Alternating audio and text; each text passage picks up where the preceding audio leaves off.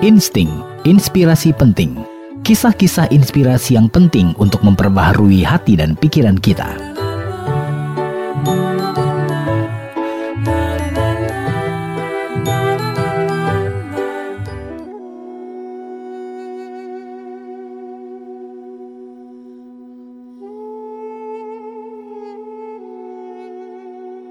Sahabat, saat kecil saya suka sekali menyanyikan lagu Naik-naik ke puncak gunung. Tapi biar sudah puluhan bahkan mungkin ratusan kali saya nyanyikan lagu itu, terus terang saja, saya belum pernah sekalipun mendaki gunung apalagi mencapai puncaknya. Eh, sahabat pernahkah sahabat menonton film 5 cm? Film yang dibuat oleh sineas tanah air ini menggambarkan keindahan alam Gunung Semeru Melihat film itu, saya jadi ingin bisa mendaki gunung, melihat pemandangan yang bagus, menghirup udara yang segar, dan mengabadikannya dengan kamera saya. Tentunya akan mendapatkan pengalaman baru dan sensasi yang baru tentunya. Tapi saya sadar, karena naik gunung bukan perkara yang mudah. Dibutuhkan keberanian, stamina yang prima, dan juga ketangguhan yang ekstra serta luar biasa untuk bisa mendaki gunung tersebut. Mengukur diri sendiri dan menyadari saya belum mampu melakukannya, akhirnya saya pun mengurungkan niat itu. Nah, sahabat, bicara tentang mendaki gunung, bagi yang suka atau pernah naik gunung, pasti sangat mengerti bagaimana sulitnya mendaki gunung itu. Saya sering sekali mendengar cerita teman-teman yang pernah menaiki gunung mereka mengatakan untuk naik ke puncak gunung, mereka harus melewati jalan yang terjal, kadang juga curam, bebatuan, belum lagi harus menjumpai beragam penghalang. Tidak sedikit pendaki yang kelelahan lalu dengan terpaksa menghentikan perjalanan. Ada juga yang tergelincir, terjatuh, terbentur batu, kedinginan, dan lain sebagainya. Tapi tahukah sabar ketika mereka sampai di tujuan, apalagi sampai di puncak gunung yang mereka daki itu, mereka akan mengatakan rasa lelah mereka sudah terbayar. Masih di insting inspirasi penting.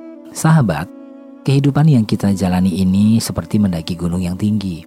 Begitu banyak permasalahan yang akan kita temui saat kita menetapkan diri untuk menjalani kehidupan ini.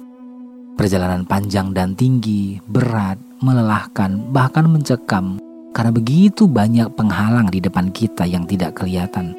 Tapi saya percaya, meski berat dan banyak rintangan yang akan kita hadapi, kita tidak pernah sendiri. Ada Tuhan yang selalu menyertai setiap perjalanan kita jika kita mau mengizinkannya berjalan bersama dengan kita. Semua kembali kepada kita. Apakah kita mau berjalan sendiri atau kita mau melangkahkan kaki kita bersama dengan Tuhan.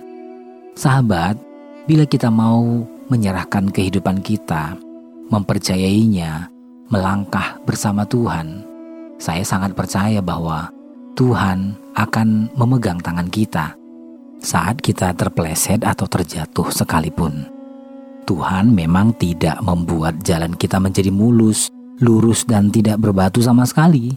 Tapi Tuhan pasti akan memberi pada kita kaki dan hati yang kuat, supaya kita tetap bertahan dan berjalan mendaki gunung kehidupan yang setinggi-tingginya sekalipun. Karena itu sahabat, mari sama-sama kita mendaki gunung dalam menjalani kehidupan ini.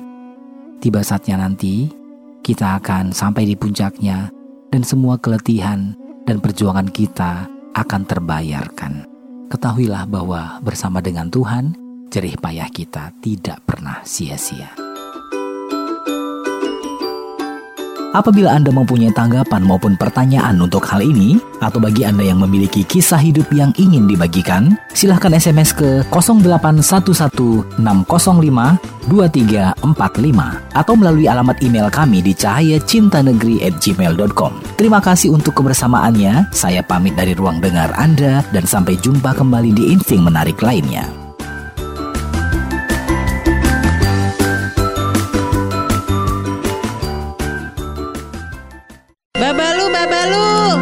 Ngapa sih malu? Kita dengerin dapur maja yuk. Bapak lu juga mau.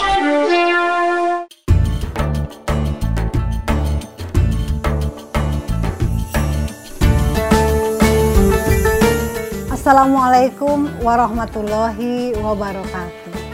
Bulan Sawal yang indah dan suci akan segera tiba.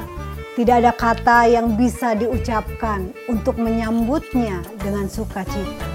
Kecuali sebuah permohonan maaf dan sebuah doa agar kita semua senantiasa dijaga kesehatannya dan COVID-19 segera berlalu dari negeri tercinta. Kembali kita hidup bahagia dan sejahtera. Saya Ina Purwadewi Sundari, Wakil Ketua DPRD Provinsi Jawa Barat, mengucapkan minal aizin wal faizin, mohon maaf lahir dan batin. Wassalamualaikum warahmatullahi wabarakatuh.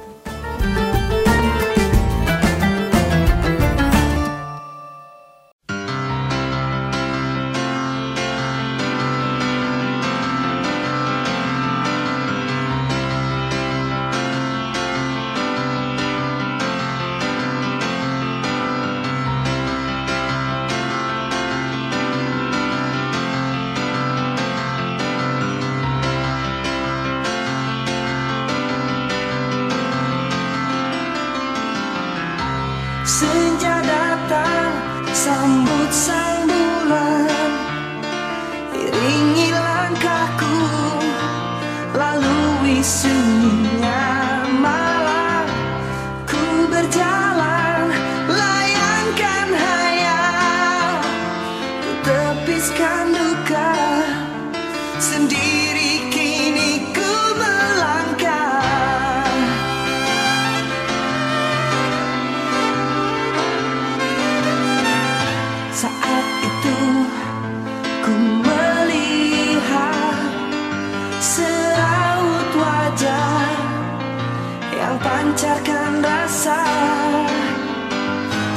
do.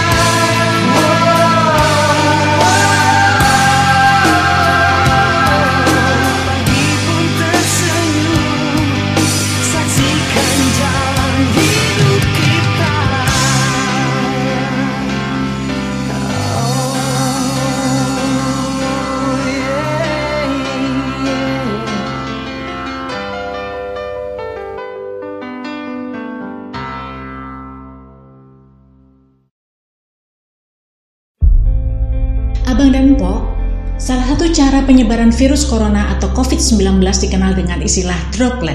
Droplet adalah penyebaran penyakit yang terjadi ketika orang sakit berbicara, batuk atau bersin, sehingga mengeluarkan partikel kuman yang kemudian berterbangan dan menempel pada mulut, mata, atau hidung orang yang sehat. Penyebaran droplet ini terbatas hanya 1 hingga 2 meter. Makanya kita diminta untuk menjaga jarak.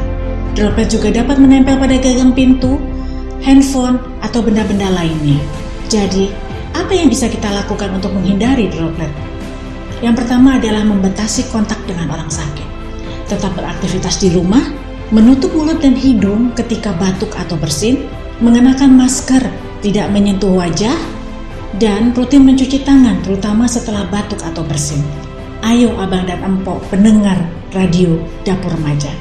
Bersama kita bisa lawan virus corona atau COVID-19 ini. Iklan layanan masyarakat ini dipersembahkan oleh Dapur Remaja Radio.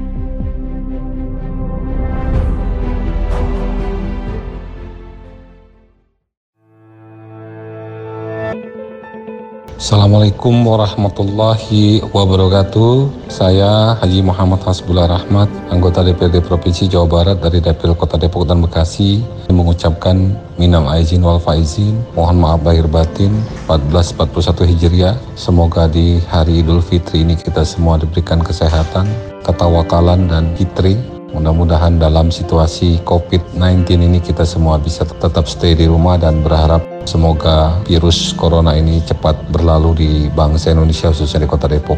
Terima kasih. Assalamualaikum warahmatullahi wabarakatuh.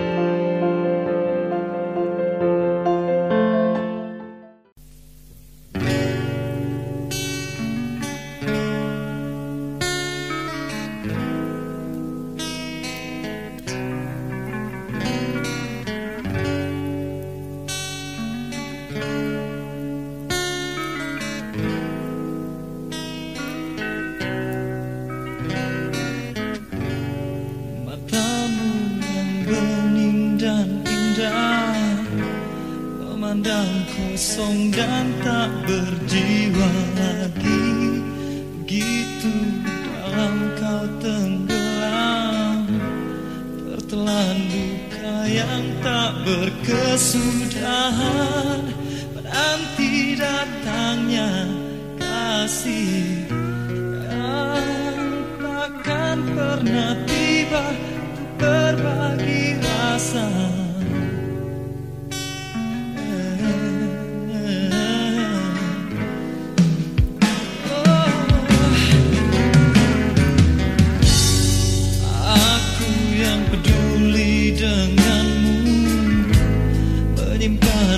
rasa iba yang mendalam malam sepi tak berteman. Terlewat dengan hanya menegur diri kau selalu tak pernah bisa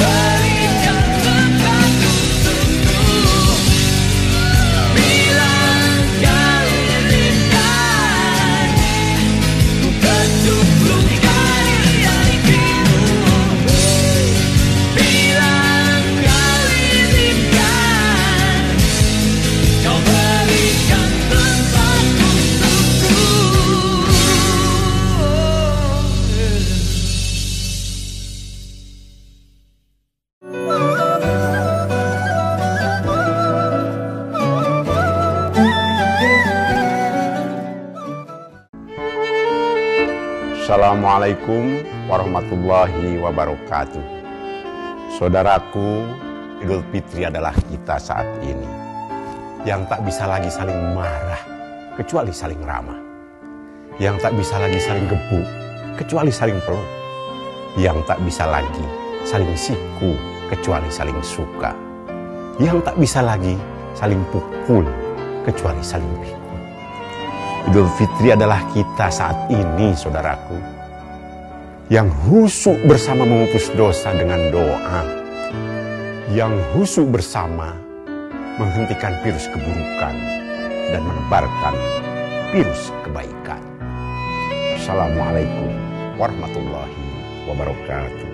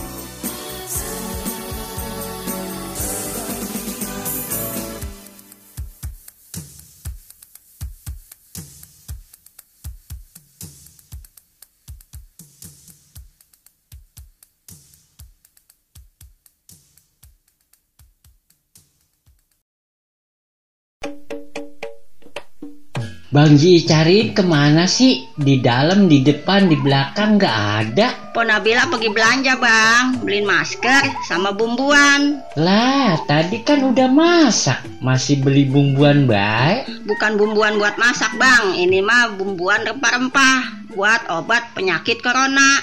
Oh ya udah godok Bang Ji mau minum.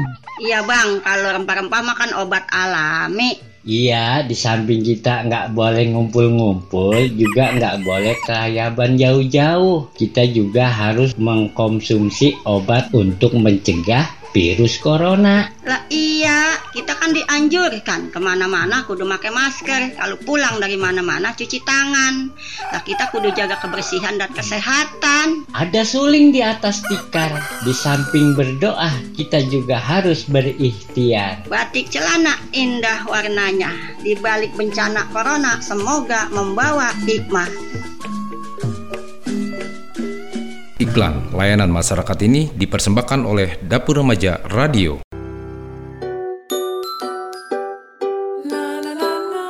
Insting, inspirasi penting. Kisah-kisah inspirasi yang penting untuk memperbaharui hati dan pikiran kita.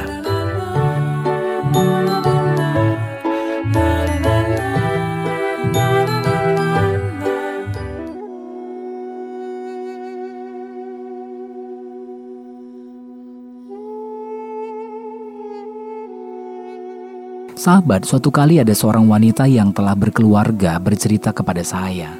Ia memiliki masa lalu yang buruk dan mengoreskan luka yang sangat dalam di hatinya. Perceraian orang tuanya dan juga pandangan keluarga besarnya terhadap kedua orang tuanya membuat hatinya pahit. Kedua orang tuanya seolah tidak memperdulikannya. Tidak berhenti hingga di sana, ia pun harus menjalani hidup dengan cemoohan tetangga, sahabat dan keluarganya, juga tanpa kasih sayang dari kedua orang tuanya. Semuanya itu tidak bisa dilupakannya dalam waktu semalam, sebulan bahkan bertahun-tahun sekalipun.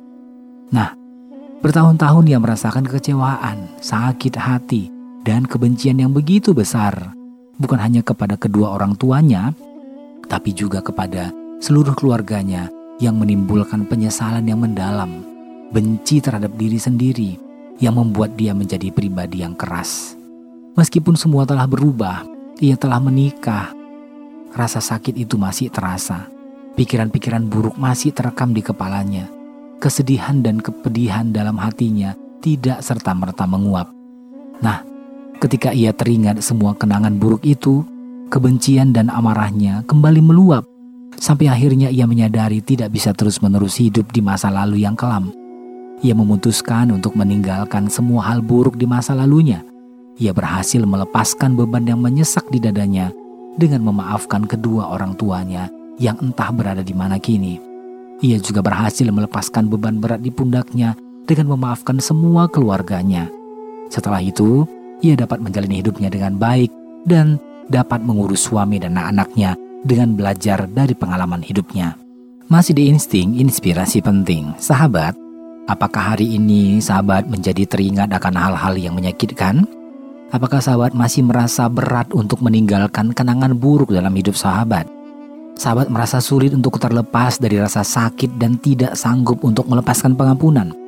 Mari kita sadari, mempertahankan kebencian, kekecewaan, marah, dan dendam tidak akan pernah mengubah keadaan kita. Kita pasti akan lebih menjadi pribadi yang menderita hari-hari kita akan dipenuhi dengan sampah-sampah yang seharusnya tidak perlu kita simpan, tapi yang harusnya bisa kita buang. Namun, kita tidak mengizinkannya. Hari ini, buatlah keputusan yang besar.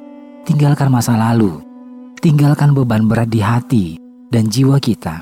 Mulailah melangkah dengan pasti dan hari yang luar biasa akan kita jalani. Saat kita mau menyerahkan semuanya ke dalam tangan yang maha kuasa, semuanya akan baik-baik saja. Karena itu sahabat, mari kita belajar untuk melepaskan pengampunan. Karena ketika kita mengampuni, sesungguhnya kita melepaskan beban dari pundak kita sendiri. Dan ketika kita berusaha dan bisa berjuang untuk menerima setiap orang sekeliling kita, sesungguhnya kita telah menolong diri kita sendiri.